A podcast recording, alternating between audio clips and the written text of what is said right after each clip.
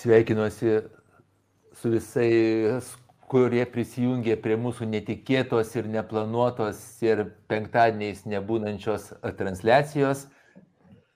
Tikime, kad mūsų įrašą galės pažiūrėti daug, daug daugiau žmonių po to. Ir šiandien mes esame trysia. Šiandien mes esame kartu su LSMU Neuromokslų instituto Elgesio medicinos laboratorijos vedėjų, psichologų, psichoterapeutų daktarų Juliumi Burkausku. Labas vakaras visiems. Ir psichologė, psichoterapeutė, seksologė Laura Budvilaitė. Labas vakaras. Ir šiandien mes tikome dėl to, kad Lietuva įsitraukė ir, kaip aš suprantu, labai aktyviai įsitraukė ir net ir, net ir vadovaujančiose pozicijose yra savo tam gabaliukį labai svarbiam tyrimė. Atliekamas tyrimas, kuris tyria seksualumo požiūrį žmonių į seksualumą ir daug įvairių aspektų seksualumo. Ir mums labai svarbu, kad kuo daugiau lietuvių, kuo iš įvairiausių sluoksnių, įvairiausių žmonių išsakytų savo, savo poziciją, atsakytų į tuos klausimus ir kad jų pozicija, kad jų seksualumo aspektai atsispindėtų šito tyrimo rezultatuose. Ir aš kreipiuosi į daktarą Julių Burkauską, koks tai tyrimas, apie ką jisai, kodėl, kodėl jisai svarbus ir, ir kodėl mums reikia po šitos transliacijos spausti linką, mes įdėsime į komentarus linką ir dalyvauti šitame tyrime. Kodėl taip yra? Ačiū. Ačiū daktarui Juliui Neverauskui už tai, kad pakvietė m, dalyvauti šitoj transliacijoje, šitoj uh, laidoje. Man be galo gera būti čia ir, ir kalbėti tikrai svarbia tema. Uh, noriu pakviesti kiekvieną žiūrinti asmeniškai įsitraukti į šį tyrimą ir papasakoti apie savo seksualumą, apie savo seksualinę sveikatą. O mes šį tyrimą atliekame kartu su pasaulio mokslininkais. Jis yra naujas ir angliškai vadinasi International Sex Survey arba lietuviškai tarptautinis sekso tyrimas, kuris jau keletą savaičių sukasi internetiniai erdvėjai ir yra pristatomas ir Lietuvoje tyrimo tikslas yra gauti naujų mokslo žinių apie seksualinį elgesį ir su seksualiniu gyvenimu susijusias temas. Ir tikimės, kad tai ateityje padės spręsti klausimus, kurie yra svarbus, kalbant apie žmonių seksualinę sveikatą. Kaip mane pristatė e, Julius, tyrimą atlieka Lietuvos sveikatos mokslų universiteto neuromokslų instituto Elgesio medicinos laboratorija ir drauge su mūsų laboratorija mm, šituos seksualinio elgesio aspektus tyrinėja dar 45 šalių e, mokslininkai. Litiškumas ir seksualinis elgesys priklauso tai mokslo sričiai, kur mes turime stebėtinai mažai duomenų. Ir pasauliniu mastu tikrai trūksta tokių tyrimų, kuriuose būtų nagrinėjamos atskiros specifinės seksualumo temos, ką mes ir bandome reprezentuoti šiuo tyrimu dalyvauja jame įvairios šalys, tokios kaip Vokietija, Prancūzija, Japonija, Junktinės Amerikos valstijos, Pakistanas, Kanada, Lenkija, Indija, Brazilija ir čia tik tai kelios iš dalyvaujančių šalių. Ir mes tikimės, kad bendrai surinksime 80 tūkstančių žmonių atsakymus. Todėl labai norime paprašyti kiekvieno klausančio ir galinčio prisidėti savo nuomonę, savo atsakymais, dalyvauti šitame tyrime. Tyrimas anonimiškas, kaip aš suprantu, nereikia bijoti, kad kažkaip tai tie duomenys bus viešinami ar ką, bet aš tikrai labai labai kviečiu, mes įdėsim į komentarus nuorodą, atsakyti į tuos klausimus, tada mūsų atsakymai įeis į, į mokslininkų tyrimų rezultatus ir mes savotiškai įtakosim, galim sakyti, šitos rezultatus su savo, su savo atsakymais.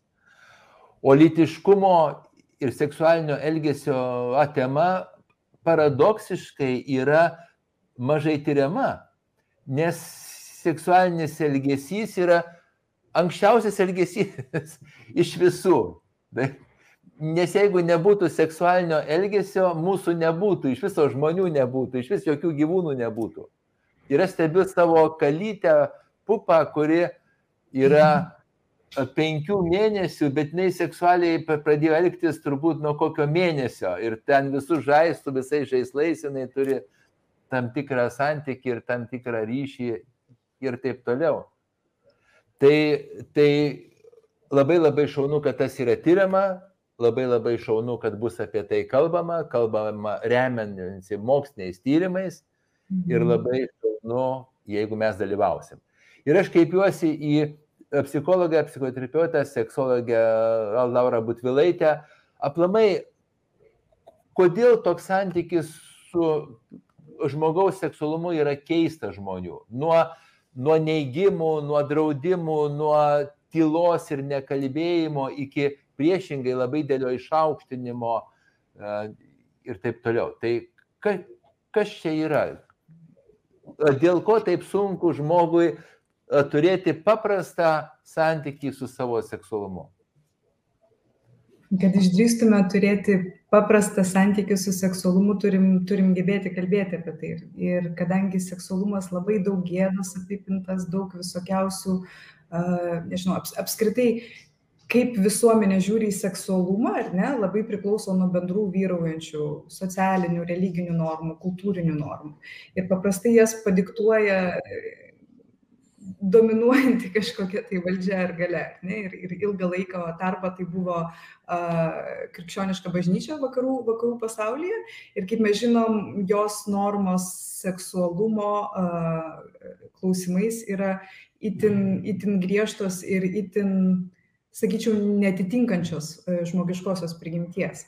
Ir iš tų dogmų, jeigu mes augam nuo pat mažumės, žinom, kad save liesti yra nuodėmė, fantazuoti apie seksualinius dalykus yra nuodėmė, geisti kito žmogaus yra nuodėmė, ar ne, ta prasme, kad jau vien, vien mintis yra nuodėmingos, tai be abejo mes, mes užaugam su labai sudėtingu santykiu. Žinoma, kaip, koks iš tiesų mūsų tas seksualumas susiformuoja, priklauso nuo to, kiek mes integruojam šitų normų, ne? koks yra mūsų šeimos požiūris į seksualumą, ką jie mums apie tai kalba, kokie, su kokiais prisilietimais mes augam ir taip toliau, ne? Vieni žmonės auga šeimose, kur yra daug šilumos, daug prisilietimų, daug kalbama apie emocijas, apie ribų jautimą, apie, apie litiškumą, apie, apie seksualinę sveikatą, apie, apie savo uh, asmeninę higieną ir taip toliau. Ne? Ir tokie žmonės paprastai užauga žymiai uh, su daugiau kompetencijų, kai ateina jau laikotarpis iš tikrųjų uh, nežinau, užsimti seksualiniu elgesiu, ar ne, arba kai ateina jiems noras tą daryti, ar ne, jie žymiai labiau yra edukuoti, nes, e, nes e, geba apie tai ir kalbėti, turi, turi žinių, turi drąsos, turi, turi kažkokių tai, nežinau, pasitikėjimo savim šitoje srityje. Tai man atrodo, kad iš tikrųjų mūsų tas toksai sunkus, sunkus santykis su tuo iš tikrųjų labai susijęs su, su, su, su įvairiomis tomis normomis, kurios sklando. Ir jos yra labai neaiškios, jos yra labai tokios baudžiančios ir gėda ir kaltę ugdančios. Ir, ir dar kas, kas yra baisu, kad jos tarsi tokį sufleruoja, kad yra tik vienas tinkamas būdas, labai siauras būdas yra tinkamas e, išgyventi savo seksualumą.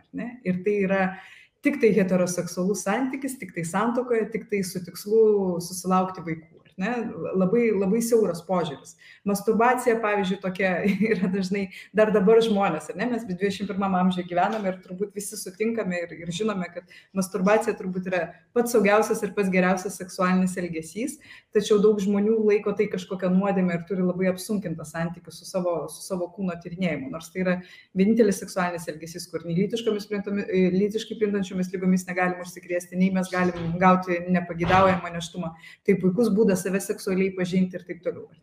Bet, e, bet, bet labai daug visokios gėdos apipinta. Ir, ir vaikai gauna šitą daug žmonių sunku santykių su masturbacija, pavyzdžiui, gauna jau ankstyvoje vaikystėje, kai labai normalu kūdikiams ir mažiems vaikams save liesti ir, ir patirti, kad, nežinau, lytinius organus yra malonu liesti. Tačiau tėvai dažnai draudžia tą arba kažkaip sutrausmina, ar net trenkia per ranką, ar, ar, ar, ar pašneka kažkaip tai nemaloniai šitą temą. Tai daug žmonių dar iki paauglystės, dar iki to laiko, kai, kai kai masturbacija tampa seksualinė ar ne, turi labai sunku santykių su savo kūnu. Tai nežinau, labai sudėtinga taip vienareikšmiškai atsakyti, čia yra labai labai daug skirtingų, skirtingų faktorių, kurie, kurie įtakoja tą mūsų tokį sunkų santykiai.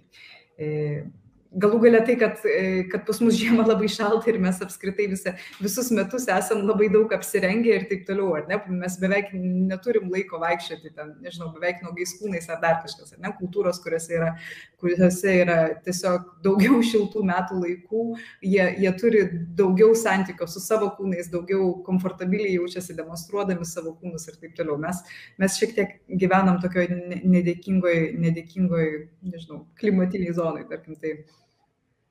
Čia, mhm. aišku, mažiausias aspektas to, bet, bet, bet noriu pasakyti, kad daug momentų gali, gali žaisti šitam. Mhm. Kalbant apie religijų įtaką, tai iš tikrųjų krikščionybė turi savo požiūrį, šiuo metu tas toks truputį švelnėjantis jos požiūris yra ir sakyčiau, netruputį prieštaringas, nes jeigu, kadangi aš vedu ir seminarus, ir mokymus, tai, tai aš vieną iš pavyzdžių pateikiu gesmių giesmę. Taip, tai giesmių giesmėje yra išaukštinamas, e, galim sakyti, e, seksualumas. Ir ten labai stipriai, taip. Ir dar yra, ir, ir dar yra ten iš laiškų kitų ir taip toliau, iš Biblijos mes galime atrasti labai gražių pavyzdžių, kaip gali būti išaukštinamas e, žmogaus santykis, seksualinis santykis. O, o, o jeigu pasakyčiau, mes kalbame apie masturbaciją, bet aš labai atsimenu, kai aš augau, masturbacija buvo dar toks dalykas, kad jeigu masturbuojasi, gausi smegenų džiūti. Ir baisus, baisus buvo dalykas, baisus. Ir aš atsimenu, po pirmo, po pirmo patyrimo savo kažką, aš taip, aš taip bijojau ir taip įsigandau, kad nežinau, aš kiek kentėjau tenais mėnesių ir visa kita, kas čia baisaus atsitiko, tas patyrimas įvyko visai visai nejučia, absoliučiai spontaniškai, kažkaip tai natūraliai ir taip toliau.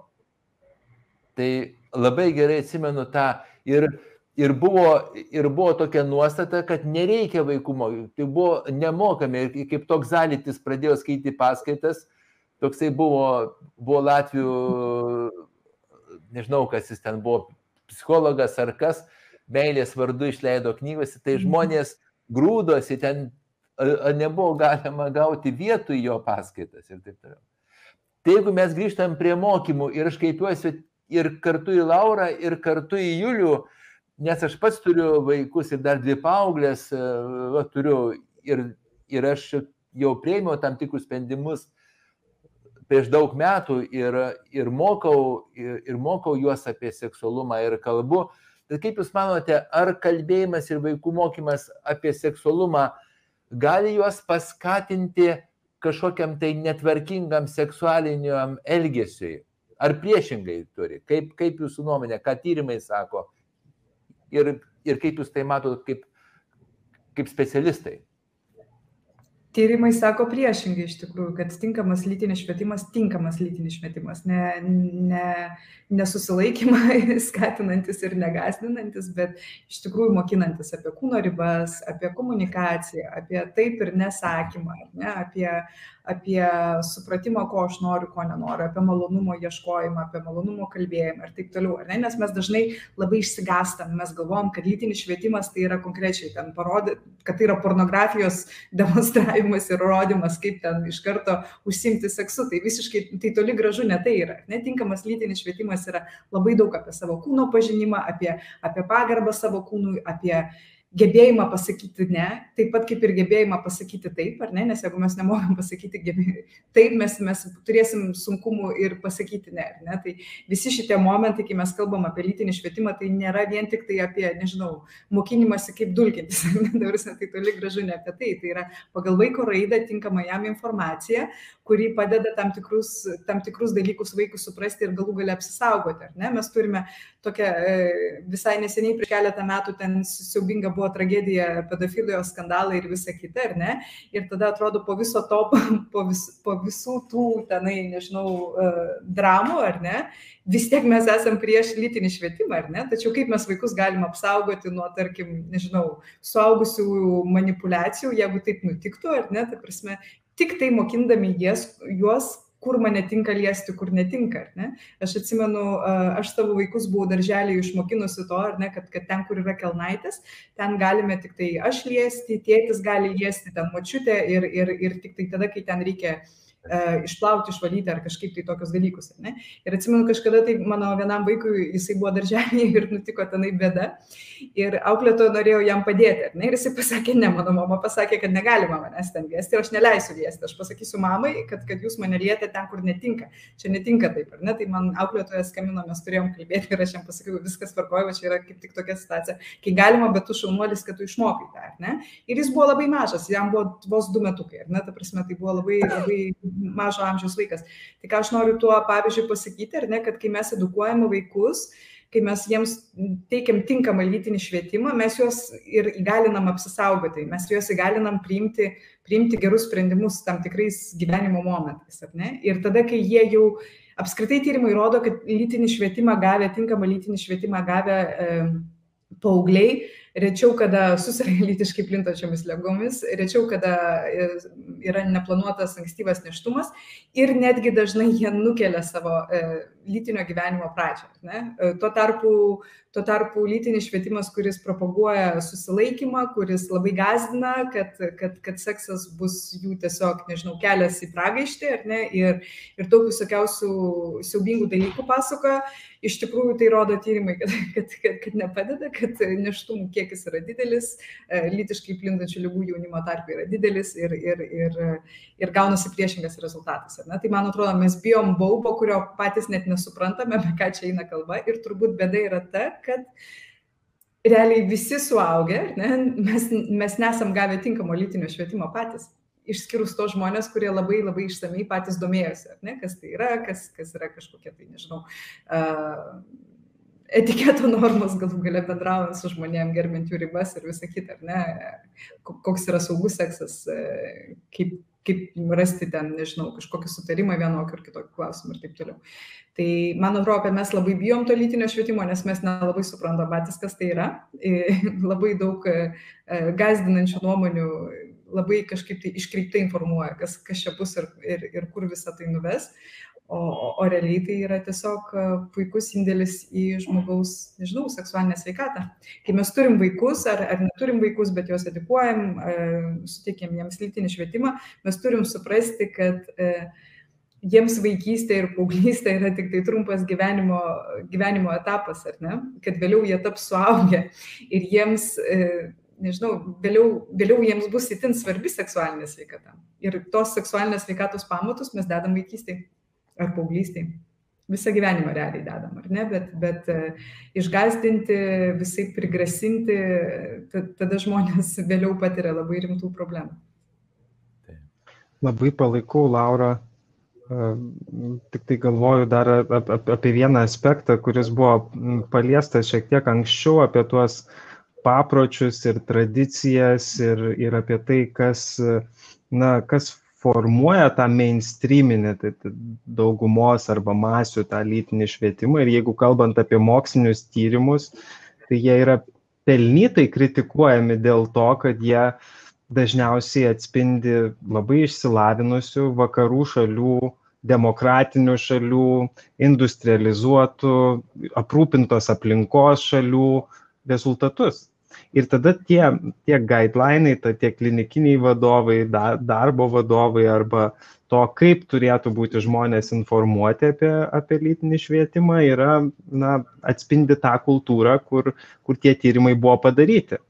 Ir tada mhm. lengva pridaryti turbūt klaidų arba galbūt ne klaidų, bet čia aš labiau kaip diskusinį klausimą formuluoju Laurai apie tai, kiek, kiek tai, kad kur tie tyrimai atliekami, gali nu, veikti e, patį švietimą. Mhm.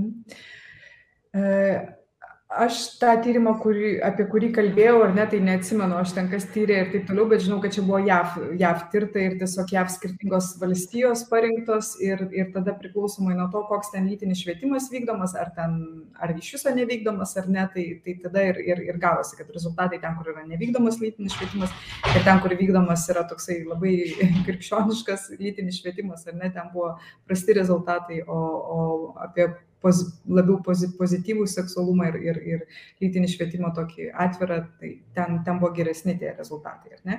Taip mes turim labai didelius kultūrinius skirtumus. Pavyzdžiui, koks Olandijoje lytinis švietimas vaikų yra Uh, nežinau, tur, turbūt mums Lietuvai dar reikės labai labai ilgai laukti, kol mes galėsime ten tokį, tokį, tokį lytinį švietimą pritaikyti, ne? nes, nes tikrai kultūros ženkliai, ženkliai skiriasi. Ne? Man yra ir tekę gyventi Olandijoje, bet, bet gal labiau uh, žymiai seniau, ar ne, bet, bet kiek yra kolegų pažįstų iš Olandijos seksologų, ar ne, tai aš suprantu, kad jų požiūris į seksualumą ir į paauglių seksualumą, jis yra uh, nežinau, kategoriškai, tarkim, skiriasi, ne, ir, ir, ir turbūt mums tai būtų pernelyg didelis žingsnis šiuo metu, ne, bet, bet galbūt ateityje, nežinau, galbūt ateityje tai ir būtų tinkamas dalykas. Olandijoje, tarp kitko, žem, labai žemas e, paauglių, paauglių abortų skaičius, lytiškai plintančių lygų ir, ir, ir amžius, kada jie pradeda lytinį gyvenimą, nėra ten kažkoks labai mažas. Nors jau, uh, nežinau, itin seniai, pavyzdžiui, abortų klinikose e, nepilnametės merginos gali atlikti abortus be tėvų sutikimo, ar ne? Čia jau labai, labai senas dalykas. Prasme. Labai seniai Olandai, Olandai pirmieji pasiūlė taikyti dvigubą kontracepciją, ne, ypač jauniems žmonėms, kad tai vartoti ir kontraceptikus, ir, ir barjerinės priemonės, ne, prezervatyvus.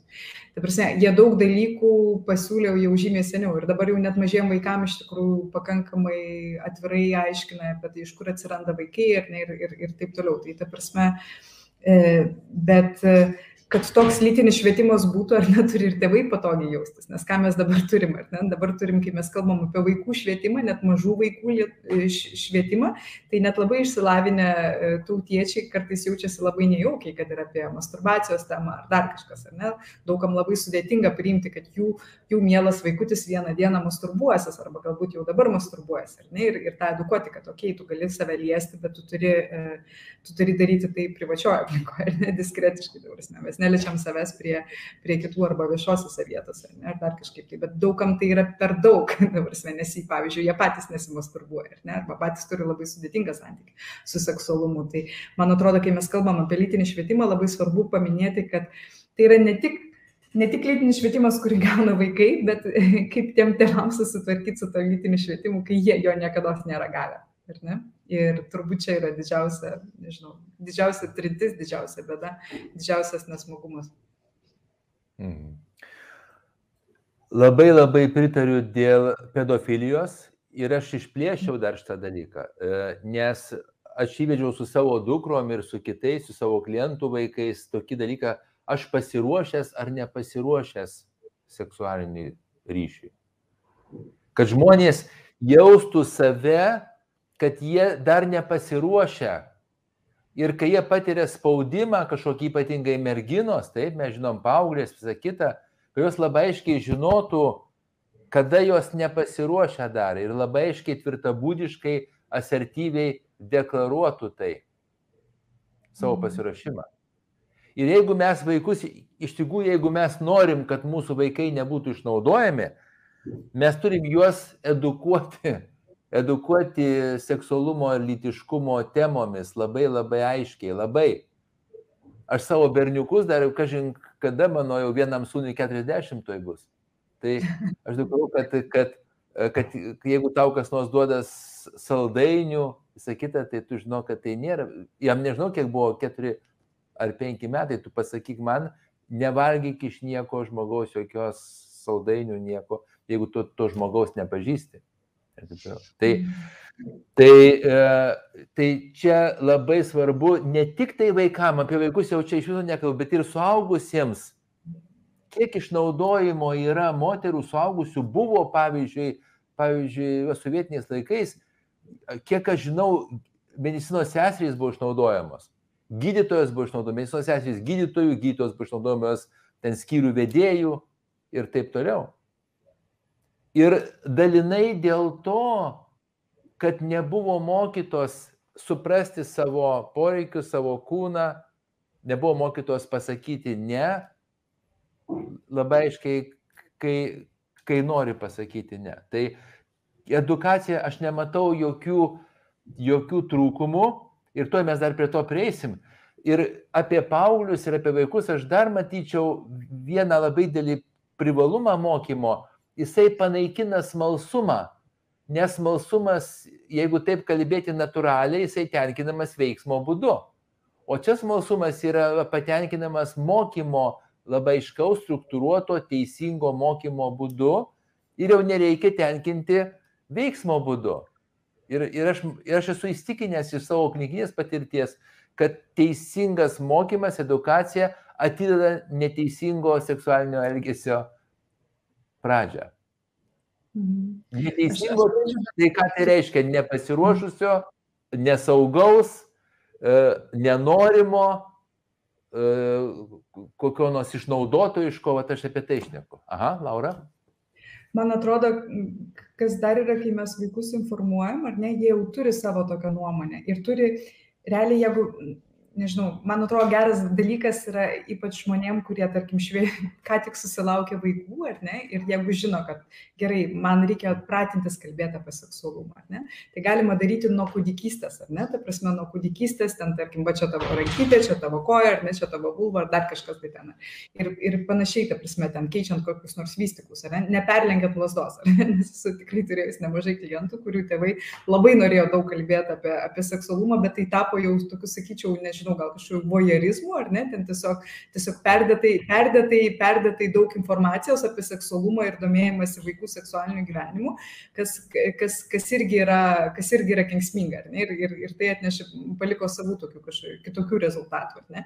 Bet man atrodo, kad e, kai vaikai auga tokioje aplinkoje, kur žino, kad gali kalbėti apie savo kūną, ne, arba nebus čia kažkokios gėdos, ar, ar, ar, ar tam tikra kūno dalis jinai turi aišku pavadinimą, ne, neturi jinai kažkokio tai nutilėjimo ar taip toliau toliau, tai uh, juk gali būti įvairių sveikatos problemų, ar ne, ten pavyzdžiui, garniukams dažnai būna saugos, apyvarpės ar dar kažkas.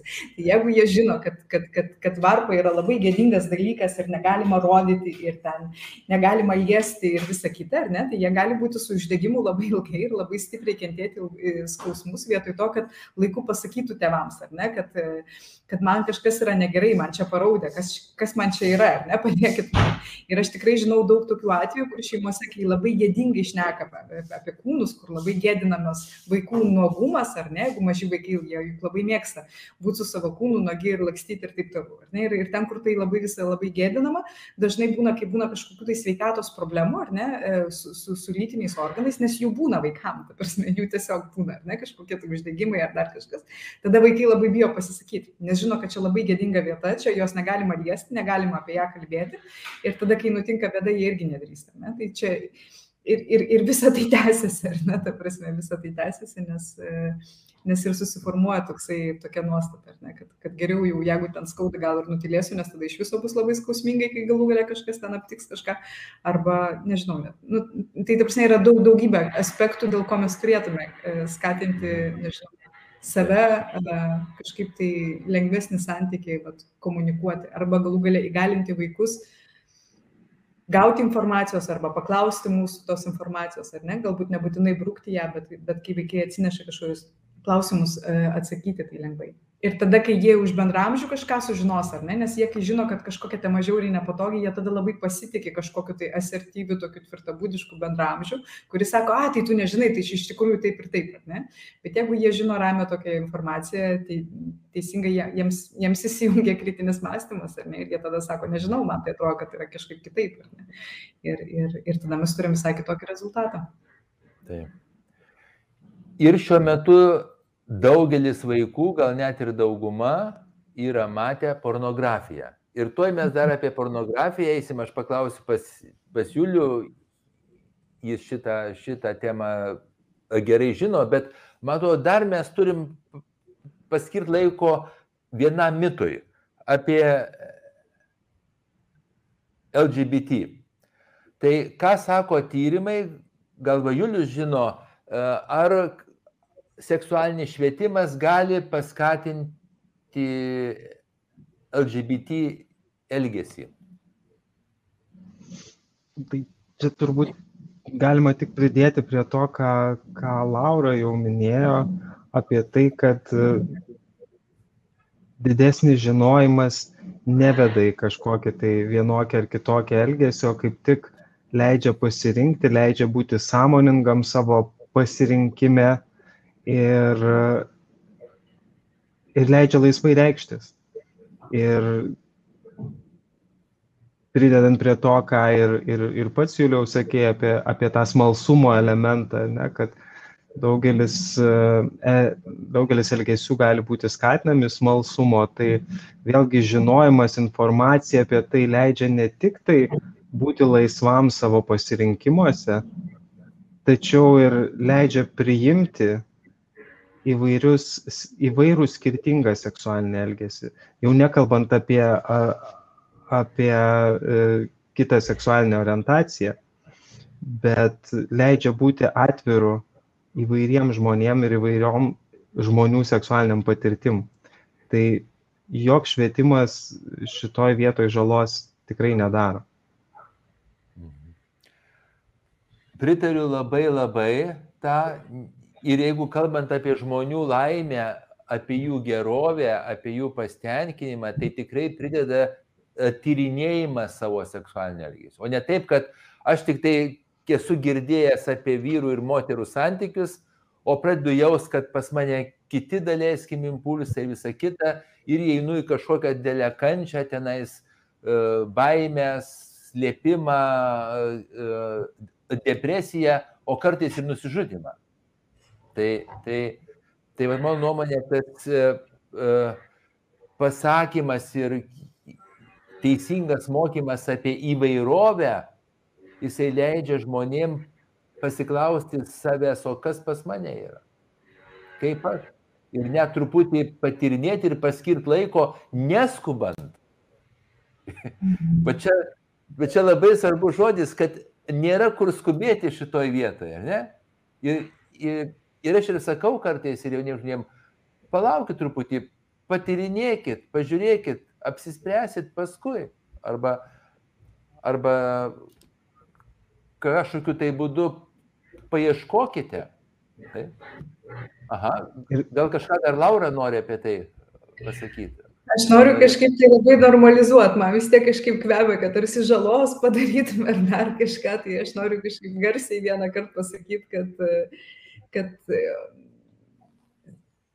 yra seksualinė įvairovė, tai yra norma, ta prasme, yra normalu, yra normalu geisti potraukį, ta prasme, geisti kitos lyties asmenų, yra normalu geisti tos pačios lyties asmenų, yra normalu geisti translyčių asmenų, tai yra norma, ta prasme, mes kažkaip labai stigmatizuojam tą, bet, bet tai yra dalis normos, ar ne? Ir norma yra labai įvairi mūsų seksualinio elgesio. Tas pats kaip mūsų, nežinau, mes visi žinom turbūt daugiau ar mažiau, ar ne, ten kokios yra pas žmonės emocijos, ar charakterio ypatybės, ar dar kažkas, tai ar ne, bet ir, ir tarsi, tarsi suprantam, ar ne, kad yra kažkoks platus diapazonas, kokie mes kaip žmonės galim būti, ar ne bet mes nesam visi vienodi suštampuoti, ar ne? Mes visi esame unikalūs, pas mus yra tam tikros unikalios kombinacijos, ar ne? Tai man atrodo, kai žmonės labai išsigasta, nes pavyzdžiui, tarkim, patiria, kad, o, aš gal jaučiu ten potraukį tos pačios lyties žmogui, ar ne? Tai prasme, tai dažnai atspindi iš tikrųjų daugumo žmonių internalizuota tokia homofobija, ne? Nes jeigu aš neturiu neigiamo požiūrio į tai, kad aš galiu galbūt jausti lytinį potraukį moteriams, ar ne? Tai tada man tai ir nekelia didelio distreso. Bet ką aš darysiu su to potraukiu, čia jau mano reikalas, ar ne? Aš galiu tyrinėti, aš galiu įsitraukti elgesį, aš galiu tiesiog fantazuoti, palikti tai potraukio lygmenį ir taip toliau. Ir visi tie variantai, ką aš pasirinksiu, bus geri, ar ne? Tai svarbu, svarbu, kad tai atitiktų mano kažkokius interesus, mano pomėgius, mano nedarytų niekam žalos ar panašiai, ar ne? Tai man labai norisi, nežinau, patinka tai ar ne, mums daugumai ar dar kažkam žmonės yra įvairūs, ta prasme. Ir, ir, ir, ir nuo kažkokių draudimų ar nutilėjimų, jeigu iš tiesų lytinis švietimas skatintų, ta prasme, jeigu lytinis švietimas keistų lytinę orientaciją, tai mes, net, mes turėtume tik heteroseksualią lytinę orientaciją. Nes tada tiesiog aš nežinau, aš augau visas pasakas girdėdamas apie, girdėdama apie princą ir princesę. Ne, ta prasme, nebuvo ten kažkokių pasakų, kur būtų, nežinau, du princai ar dar kažkas. Jeigu būtų tai iš tikrųjų tiesa, mes neturėtume ne vieno neheteroseksualaus žmogaus.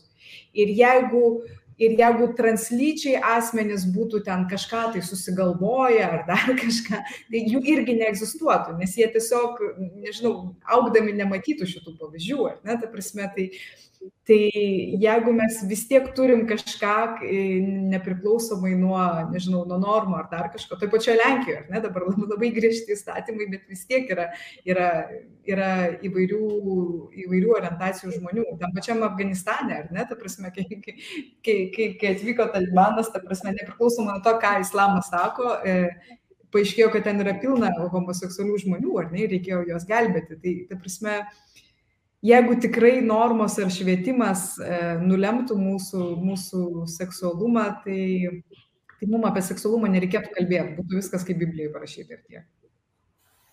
Dar pridedant prie to, ką, ką Laura sakai, tai čia vienas iš tokių žymesnių tyrimų, kuris iliustruoja, kad mes kiekvienas nesame mm, tik tai taip arba ne, kas liečia mūsų tą seksualinį identitetą. Ne? Čia vėlgi amerikiečių Kinsey instituto studija parodė, kad visi mes esam kontinume realiai su tuo savo seksualiniu apsisprendimu ir, ir, ir seksualinė orientacija mes esam kontinume.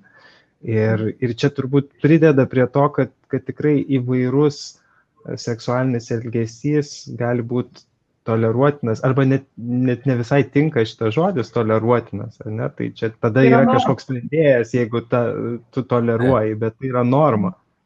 Taip, taip, įvairovė yra norma, kaip, kaip nežinau, skirtingi plaukai pas mus ant galvos yra norma, ar ne, ta prasme, nežinau, skirtinga odos spalva, ten, nežinau, skirtingas kūno sudėjimas, ar ne, yra, yra tiesiog e, normos variacijos, ar ne, tai lygiai taip pat yra, nežinau, seksualinė orientacija, lytinė išraiška, dar kažkas, tai šitie, šitie dalykai, ne. Taip, tik tai aš noriu įdėti vieną sąlygą viena sąlyga. Taip, ir, ir būtent apie tą sąlygą dabar irgi yra kalbama šiek tiek, tai yra suaugusių žmonių darbas yra seksualumas e, santykiuose. E, ta prasme, e, jeigu vienas suaugęs, kitas yra nepilnametis arba, arba dar, tai, tai tada ma, mano įstikinimu tai nėra, tai, tai nėra norma. Tai. Norma yra pastangų, Laura, žinau, gal tavo, bet tu pridėsi, yra pastangų pasakyti, kad ir tai yra norma. Taip? Ne. Tai kaip tavo? Ne, ne, ne. ne, norma, nežinau.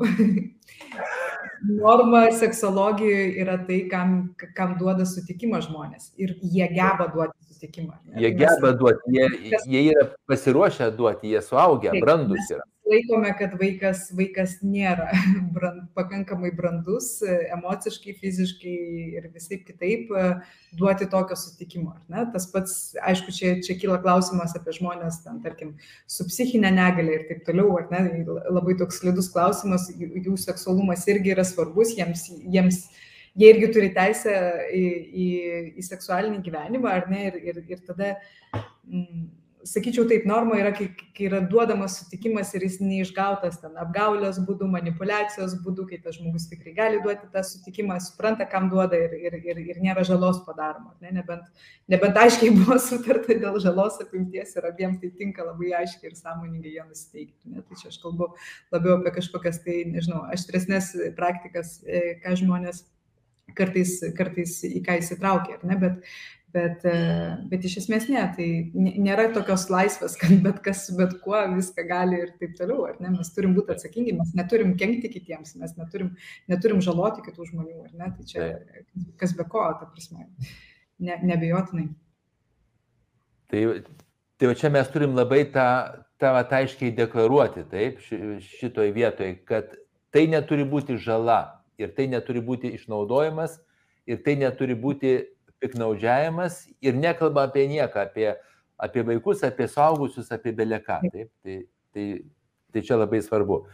Ir čia mes neįsim į tą temą, bet aš žinau, bet Julius ar buvo konferencijoje, ar Laura, bet prieš eilę metų mes darėm konferenciją, vat, kai būtent buvo pedofilijos skandalas, mes darėm konferenciją mokslinis požiūris į pedofiliją. Yra žmonių, kurie turi tą potraukį ir jie labai kenčia ir dabar, kaip mes žinom, yra sprendimų, net jiems siūloma ten visokių ir, ir taip toliau. Tai, tai va šitiem žmonėm bent aš nepavydžiu, taip. Bet iš kitos pusės su atjauta galima pasakyti, kad jie, jie tiesiog nekalti dėl to, jiems taip, jiems taip, jiems taip išėjo, jiems taip gavosi, bet, bet aišku, nuo, nuo jų fantazijų iki elgesio reikėtų, kad būtų aiški siena. Taip mum reikia skirti keletą dalykų, ar ne? Nebūtinai žmogus, kuris turi pedofiliją, nebūtinai jis žaloja vaikus, nebūtinai jis įsitraukia į tokį elgesį, ar ne? Turiu omeny, kad vienas dalykas jausti potraukį, kitas dalykas yra iš tikrųjų įsitraukti į tokį, tokį, tokį, e, tokį elgesį. Ir yra jau šalių, va, aš tiesą pasakius nežinau dabar, bet žinau, kad tikrai prieš metus beros buvo pradėti, pradėtos gydymo, gydymo programos tiek Portugalijoje, tiek Vokietijoje, nežinau, gal ir kitose šalyse. E, pedofilų gydymo programos ir, ir dar negirdėjau nieko, ar ne, apie rezultatus ar dar kažką, nes e, čia toks labai jautrus klausimas ir sudėtingas ir matyt, um, matyt žmonių, kurie nori kreiptis pagalbos, jie irgi turi daug įvairiausių, įvairiausių baimių galų gale, ar ne, ar dar kažkas, tai ten, tarkim, patapti vieši ir panašiai, ar ne, bet, bet tikrai mes skirkime tokį momentą, kad nebūtinai žmogus, kuris jaučia potraukį vaikam, yra daug žmonių, kurie labai stipriai kenčia dėl to, jie supranta, kad, kad, ir, ir jie nenori jokios žalos padaryti ir, ir, ir neįsitraukia į tą veiklą. Tai, e... Labai sunkiai gydoma lyga, aš noriu pasakyti, labai sunkiai yra. Taip. Bet yra kitas dalykas, aš dabar, va, jeigu mūsų klauso arba mūsų įrašą klausys žmonės, kurie turi panašų sutrikimą, e, kurie turi baimę pajausti potraukį vaikams. O tai, tai jų lyga vadinasi obsesinis kompulsinis sutrikimas. Ir esu gydęs ne vieną, ne vieną žmogų. Jie ypatingai kenčia, jie bijo pasilikti su savo vaikais ir taip toliau. Jie neturi potraukio, jie turi baimę pajausti potraukį ir baimė nesuvaldyti savo elgesį. Tai yra visai kita lyga, kuri niekada nesibaigs pedofilija, nu, kuri niekada jinai yra priešinga antipedofilija. Bet žmogui jos smegenys taip atrodo jam, kad čia jis yra pedofilas, nes jis apie tai nuolat galvoja. Ir kas dar blogiau, jisai pradeda visokiais būdais e, e, prieš tą savo, prieš tą savo mintis kovoti, o, o kuo daugiau jisai kovoja, tuo daugiau tos mintys jam vėl jį užvaldo. Ir čia, nu, čia mačiau labai labai kenčiančių žmonių, labai stipriai kenčiančių. Tai čia yra, čia yra kas kita. Bet tai nėra šiandien mūsų tema. Mes tik tai priejome.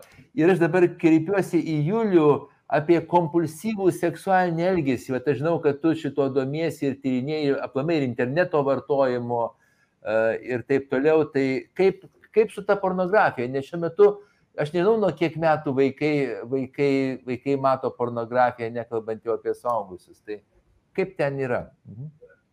Tai mes galime atskirti uh, kompulsyvo uh, seksualinę elgesio sutrikimą, kuris šiuo metu jau yra ir, ir tarptautinės lygų klasifikacijos kaip viena, viena iš diagnozių naujausioje versijoje. Ir jis turi savus bruožus ir, ir mes išskiriam uh, probleminį pornografijos žiūrėjimą arba naudojimą pornografijos. Tai galbūt kažkurie aspektai yra persidengiantis, bet, bet tai yra du, du, du skirtingi dalykai, nes e, pornografijos žiūrėjimas gali būti kompulsyvaus seksualinio elgesio dalis, bet, e, bet vien tik pornografijos žiūrėjimas nesudarys e, kompulsyvaus seksualinio elgesio diagnozės.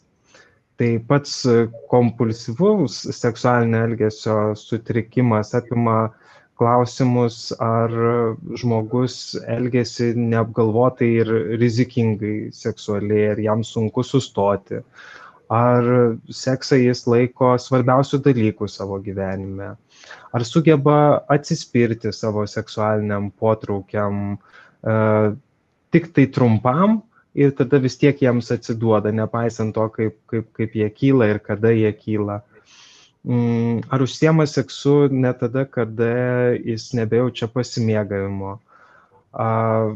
Ar pats žmogus mano, kad seksualinis, jo seksualiniai potraukiai ir impulsai jį pakeičia į negatyvę pusę, jis tampa kažkoks kitoks dėl savo seksualinių potraukių ir, ir impulsų. Pats žmogus gali jaust, kad nesugeba valdyti seksualinių norų ir troškimų jis žino arba sako, kad mieliau gali užsimti seksu, bet ne jokia kita veikla. Ir bandymas sumažinti sekso kiekį dažnai būna nesėkmingas.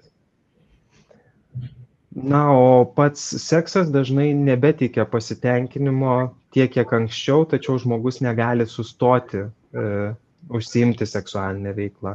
Ir dėl to pradeda nebeįvykti kažkokiu tai svarbių jam užduočių ir jaučiasi valdomas savo seksualiniu troškimu, e, o kai užsiema tuo, atrodo, kad tuo metu ta jokia kita veikla nėra svarbi.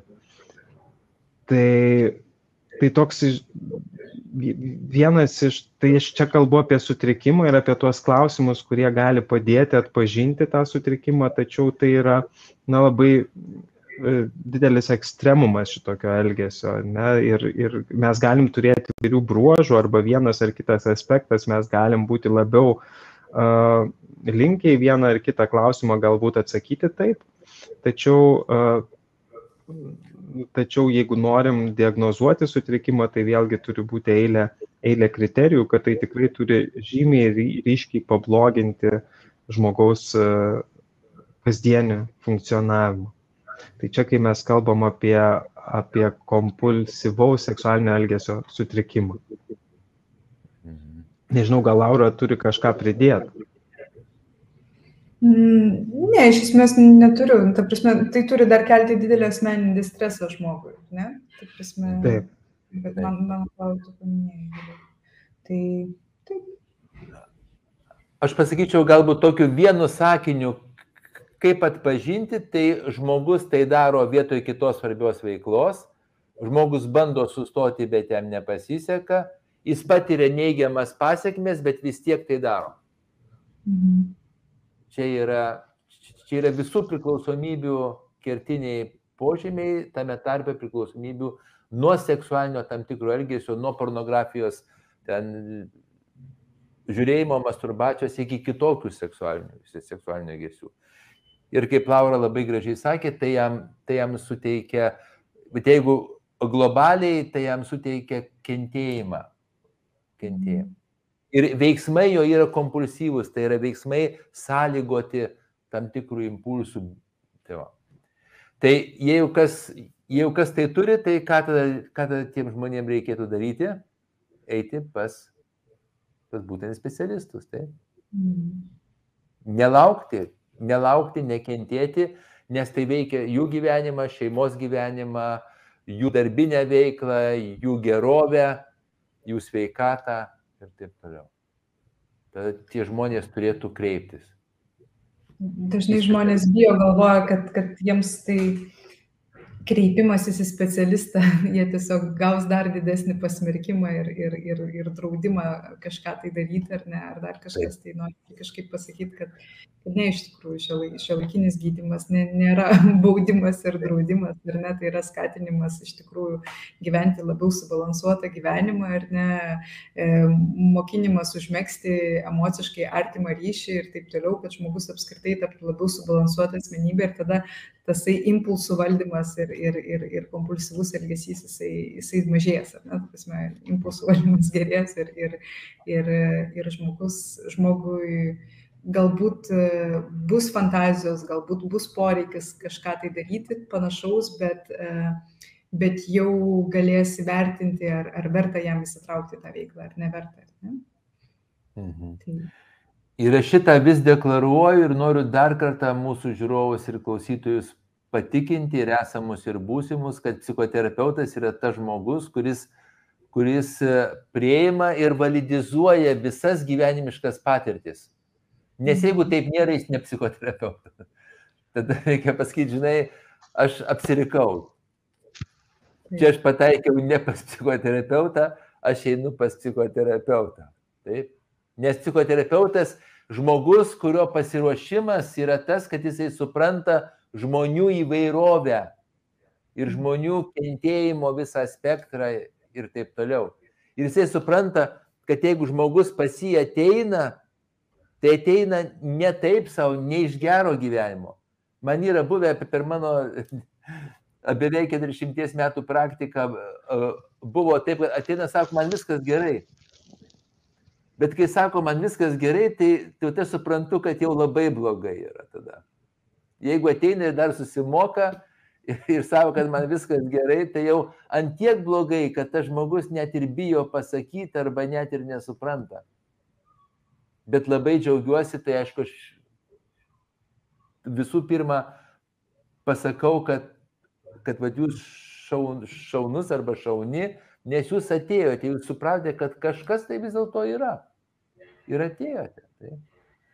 tai aš labai e, siūlau ypatingai su, su seksualiniam disfunkcijom visokiom kreipti. Šiuo metu žmonės daug daugiau kreipiasi, aš tai matau, kad, kad kad, kad yra ženkliai pasikeitimų, šeimos kreipiasi ir šeimos jau nebenori gyventi taip kaip anksčiau, kad ten kažkokią tai duoklę atiduoti visą kitą, jos nori gauti pasitenkinimą, jos nori būti laimingos ir, ir čia srityje. Ir aš truputį kreipiuosi dar į, į Laurą, jeigu dar nepavargote, apie, apie vyrų, apie vyrų ir moterų, heteroseksualių vyrų ir moterų, galbūt litiškumo, seklumo skirtumus, kur daug mitologijos, man atrodo, yra daug visokių tokių, tokių dalykų, kurie realiai, realiai jų nėra, bet yra mūsų, mūsų sąmonė ir taip toliau. Tai. Mhm.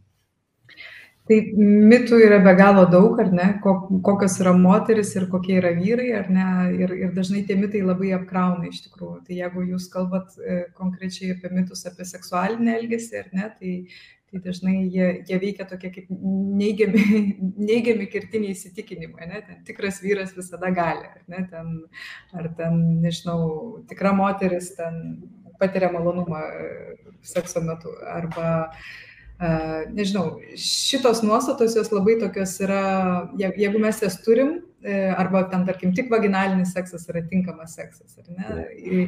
Šitos nuostatos jos yra labai tokios rigidiškos ir jos tarsi ir netrukdo, kai viskas yra gerai, ne, bet kadangi seksualinė sveikata mūsų yra kaip bet kuri kita sveikata, ne, kaip fizinė sveikata, kaip psichologinė, ne, kaip mums neįmanoma nugyventi gyvenimo nesusirgus sloga ne vieno karto, ar ne, taip, taip neįmanoma nugyventi gyvenimo niekada nesusiduriant su kažkokiais seksualiniais sunkumais, ar ne, arba su kažkokiais tai, nežinau, nebūtinai galbūt disfunkcijom, bet, bet kaž, kažkokiais tai keblumais, tai kai mes turim tuos tokius labai griežtus įsitikinimus, kokia, kokia tikra moteris yra ir koks tikras vyras yra, tai ir, ir koks tikras seksas yra, tai vos tik tai įvyksta kažkokie tai nesklandumai, tada labai, labai griuvo visa, labai daug ant kortos pastatyti, ar ne? Nes jeigu aš galvoju, kad tikras vyras visada gali ir aš esu vyras, ar ne, ir man, nežinau, kažkada pavargusiam nepavyko kažkas, tai tada labai, labai griūna viskas, ar ne, labai, labai daug baimių įsijungia ir taip toliau.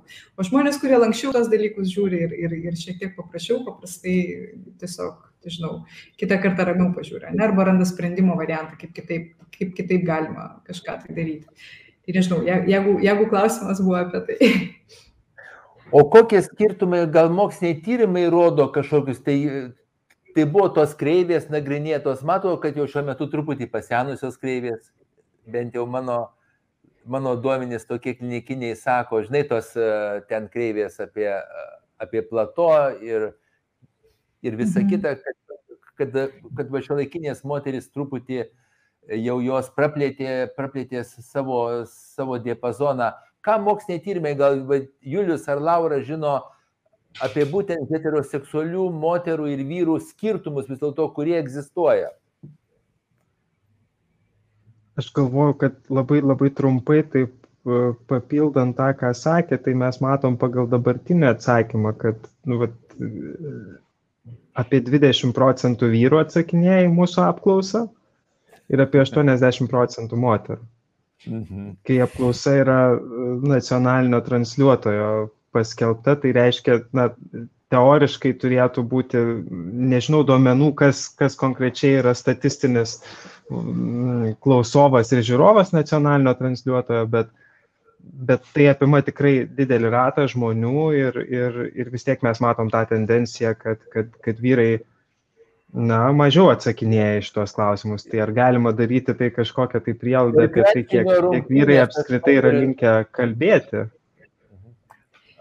Aš patariu per krepšinio rungtynės pa, pareklamuoti šitą, šitą tyrimą. Aha.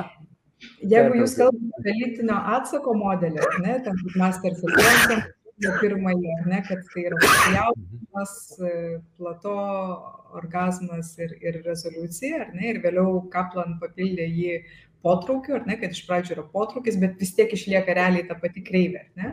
E, tai vėlesni modeliai, jie ir čia tokie lininiai modeliai, ar ne, vėliau atsirado tokie cirkuliariniai modeliai, ne, kurie plačiau apima, ar ne, kad mano lytinis atsakas šitoje situacijoje priklauso ne tik nuo šitos situacijos, bet nuo mano ankstesnių patirčių, ar ne, ar kiek aš malonumo patyriau anksčiau ir, ir, ir taip toliau. Ir, ir nebūtinai, nebūtinai yra tokia tvarka, kad iš pradžio yra potraukis, tada susijaudinimas, tada plato ir orgasmas, ar ne? Kartais e, ir tai labiau būdinga iš tikrųjų, galbūt jeigu taip statistiškai imsim, turbūt vyram labiau yra būdingas tas Masters ir Johnson arba Kaplan modelis, ar ne? Ypač,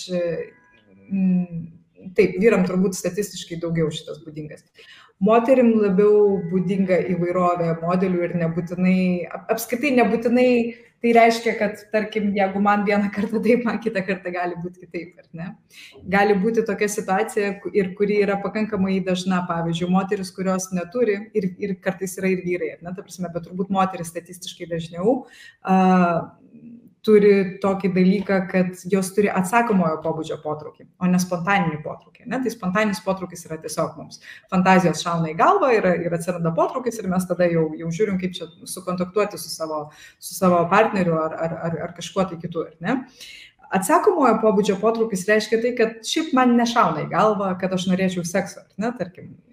Bet kai mano kai mano partneris ar partnerė man parodo kažkokią iniciatyvą ir prasideda kažkokie veiksmai, tada aš pradedu galvoti, kad, o, gal ir visai nieko, ar ne? Ir kartais netgi taip nutinka, kad iš pradžių atsiranda lytinis susijaudinimas ir tik tada potraukis atsiranda, ar ne? Kad kartais žmogus, aišku, aišku tuo piknaudžiauti negalima, ne? Kartais žmonės supranta, kad čia reikia tada užlaužti tą moterį ir, taip sakant, vėliau jinai finalę pradės norėti. Ne, ne tikrai nieko per prievartą negalima daryti, bet Bet kartais yra tokia situacija, kai, tarkim, moteris ar, ar, ar vyras galų galę, ta prasme, nėra visai įsitikinę, ar nori jie įsitraukti kažkokius seksualinius veiksmus ar nenori, bet jeigu jie nėra prieš tai, ar ne, tai tada gali būti visai naudinga, nežinau, pabūti toje situacijoje ir, ir vėliau galbūt potrukas atsiras. Mhm. Tai jeigu. Šitoje vietoje aš noriu perspėti, bet iš tikrųjų labai palėtėjai gerą temą, nes kartais, vat, esu savo klinikiniai praktikoje matęs, kai moteris buvo išnaudojamos, bet jom buvo seksualinis atsakas. Ir tada jos labai, jautė, labai jautėsi blogai, jaut, jautė kalties jausmą. O, o tie vyrai sako, matai, tu ten tokia ir tokia, tu čia tu, tu, tu nori, tu susijaudinai, čia, čia taip toliau. Ir tos moterys gėda labai po to jautė, kaltę ir tas jas paskatino nesikreipti po to. Tai esu matęs, esu matęs ne kartą. Tai, tai čia labai noriu akcentuoti, kad seksualinis atsakas, fiziologinis atsakas, ta prasme, drėksta makštis ir taip toliau, jis gali būti uh, visiškai nebūnant jokio potraukio ir net priešingai būnant. Taip? Nes seksualinis atsakas yra fiziologinis dalykas. Taip. Taip. Ir, ir šita situacija yra labai dažna ir labai daug ką sutrikdo iš tikrųjų ir seksualinės prievartos atveju, ar ne? Taip. Dažnai, dažnai yra tuo manipuliuojama, kad, e, ta prasme, užtat labai svarbu kalbėti apie sutikimą, ar ne? Žmogaus lytinis, e, fiziologinis susijaudinimas nereiškia sutikimo. E, žmogaus fiziologinis susijaudinimas, jis evoliuciškai pas mus gali įsijungti tokiuose situacijose, kaip būdas mus apsaugoti, ar ne? Nes e, moteris, kuri yra, tarkim, sudriekus, jeigu jinai dabar netrukus patirs lytinę prievartą, jos kūnas pasiruošia, kad jinai būtų mažiau sužalota. Ir lygiai taip pat berniukai, ta prasme, prievartaujami berniukai ar vyrai, jie gali lytiškai susijaudinti, nes tai apsaugo varpo nuo galimų, nežinau, lūžių ar dar kažko. Tai, ne? tai ta prasme, ir dažnai seksualinės prievartos aukos labai pasimeta, net nesupranta, kas čia nutiko, ne? nes galima netgi seksualinės prievartos metu orgasmą pajusti. Ir, ir tada atrodo, kad kūnas mane apgavo, ar ne? Kaip čia taip galėjo nutikti? Ta prasme, aš nelabai suprantu, kas čia nutiko. Gal aš iš tikrųjų nebuvau ten žaginama ar prievartaujama, nes uh, iš tiesų aš buvau susijaudinusi, ne? Ir iš tiesų aš net pasiekiau orgasmą, ta prasme. Ir, ir tuo labai lengva manipuliuoti, ir kadangi žmonės dažnai apie tai nežino, labai vaikai dažnai kalti jaučiasi, ne? nes vaikam tvirkinami vaikai, jie irgi patiria malonumą, kad ir kaip tai išlikščiai beskambėtų, ar ne? Ir jiems būna labai sudėtinga susiprasti, kas čia iš tikrųjų nutiko, nes, nes negali tai būti, ta prasme, nebuvo vien tik blogai, ar ne, ta prasme, bet, bet e, manau, kad tai labai svarbi tema, apie kurią mes turim labai dažnai kalbėti, kad, kad visi žinotų, kad, kad, kad suprastų, jog tai yra grinai fiziologinis atsakas ir, ir, ir, ir jis neleidžia, nereiškia sutikimo. Tai būtent ir mokyti, ir mokyti šitos savo vaikus ir paauglius, taip, kad jie aiškiai žinotų ir, kaip aš sakiau, tą žinotų savo pasiruošimą, psichologinį ir sutikimą. Labai geras žodis yra mhm. sutikimas. Gerai, tai vieną detalę pridėti, ar ne? Ta prasme, kadangi mes vis tiek apie mokslinius tyrimus mums nemažai kalbėjom, ar ne? Iš esmės, e, dabar moksliniai tyrimai fiziologinio lytinio atsako, ne, jie atliekami laboratorijose, kaip Masters ir Johnson kažkada pradėjo, tik aišku, dabar etiniai standartai neleidžia atlikti lytinio akto laboratorijoje, ne, tai yra po vieną žmonės sėdi ir, ir prijungiami įvairūs aparatai prie jų kūnų. Ir iš esmės iš įvairių laboratorijų, kurių pasaulyje yra keletas, ar ne, ta prasme, tiks, tiksliai nepasakysiu kiek, bet skirtingose šalyse jų yra gal, nežinau, apie septynios ar dešimt. Iš tų skirtingų laboratorijų mes matome, kad kai žmogus gauna maždaug apie 3 minutės laiko erotinio turinio, tai atsiranda bent mažytis ero, e, fiziologinis lytinis atsakas, ar ne? Tai net objektivus lytinis atsakas, ne, fiziologinis. Galbūt subjektivaus nėra, ne, bet jeigu žmogus mato erotinį turinį, tai šiek tiek susijaudina, ar ne? E, tai vad tą irgi labai svarbu suprasti, ar ne, kad, kad, e, kad tai, kad aš fiziologiškai susijaudinau, e, šitą momentą galima labai lengvai pasiekti, net nenorint, net nenorint to ar, ar, ar kažkaip tai. Taip ir kiek aš žinau, rodo pornografinius filmus pandoms, nes pandos labai sunkiai, sunkiai eina į lytinį aktą, tai joms rodo pornografinius filmus, jų pandų pornografinius filmus, tam, kad jos, jos susijaudintų. Tai, e, tai dabar mes prieėm prie labai svarbios temos, prie tam tikro nu, seksualinių traumų. Taip, prie seksualinių traumų temos. Seksualinės traumos, mėlyjeji, yra priskiriamos labai stipriom traumom. Pavyzdžiui, potrauminis stresas tai arba, arba santykis su mirtim, arba seksual, su, santykis su seksualinė trauma. Yra priskiriamas net santykių su mirtim tam tikrą prasme prilyginamas. Tai seksualinis smurtas yra labai labai labai labai stiprus smurtas. Tai mes turim šitą žinot labai aiškiai. Tai aš pas Julių tada klausiu, kodėl, kai tyriamas seksualumas, kodėl mes kalbam ir tada bandom, bandom išsiaiškinti būtent seksualinės traumas. Seksualinės traumos, čia pridedant prie to, ką, ką Laura minėjo apie, apie tai, kad jos gali vaidinti didelį, didelį vaidmenį mūsų mm, seksualiniam gyvenime. Ir tam tikra prasme ir ne tik seksualiniam gyvenime, bet mūsų kasdienybei. Mūsų kūnas gali reaguoti kasdienybėje kitaip, dėl to, kad mes kažkada e, vaikystėje arba ankstyvam amžiui, paauglystėje patyrėm seksualinę traumą arba seksualinę prievartą, ar fizinį, ar, ar psichologinį smurtą. E, ir aš čia taip sugretinau dėl to, kad uh, reakcija organizmo yra labai panaši į, į šias patirtis ir vieni iš naujausių tyrimų rodo, kad netgi tokie uždegiminiai rodikliai, kaip standartiškai, kai mes sergam gripu, kai daromės C reaktyvinio, C reaktyvinio baltymo tyrimą, ir jis rodo, kiek uždegimo mumise yra ir pagal tai sprendžiama, kaip gydyti.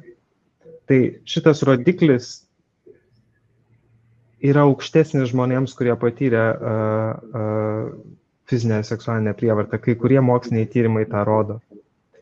Uh, vieni iš mūsų laboratorijoje atliekamų tyrimų siekia išsiaiškinti, kaip seksualinė arba fizinė prievarta vaikystėje arba paauglystėje gali sėti su fiziologinė reakcija žmogaus į stresą dabartiniam periode.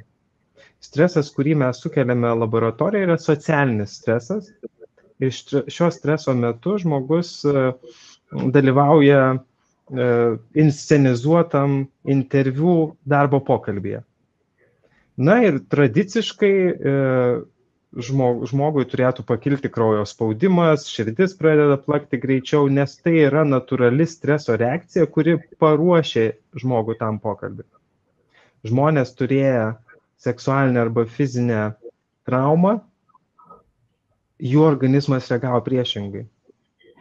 Širdis neplakė greičiau, kraujo spaudimas sumažėjo, vadinasi, organizmas liktai pasiduoda stresiniai reakcijai, jisai nereaguoja į tą stresą taip, kad paruoštų žmogų apsiginti, jis labiau tampa bejėgiu.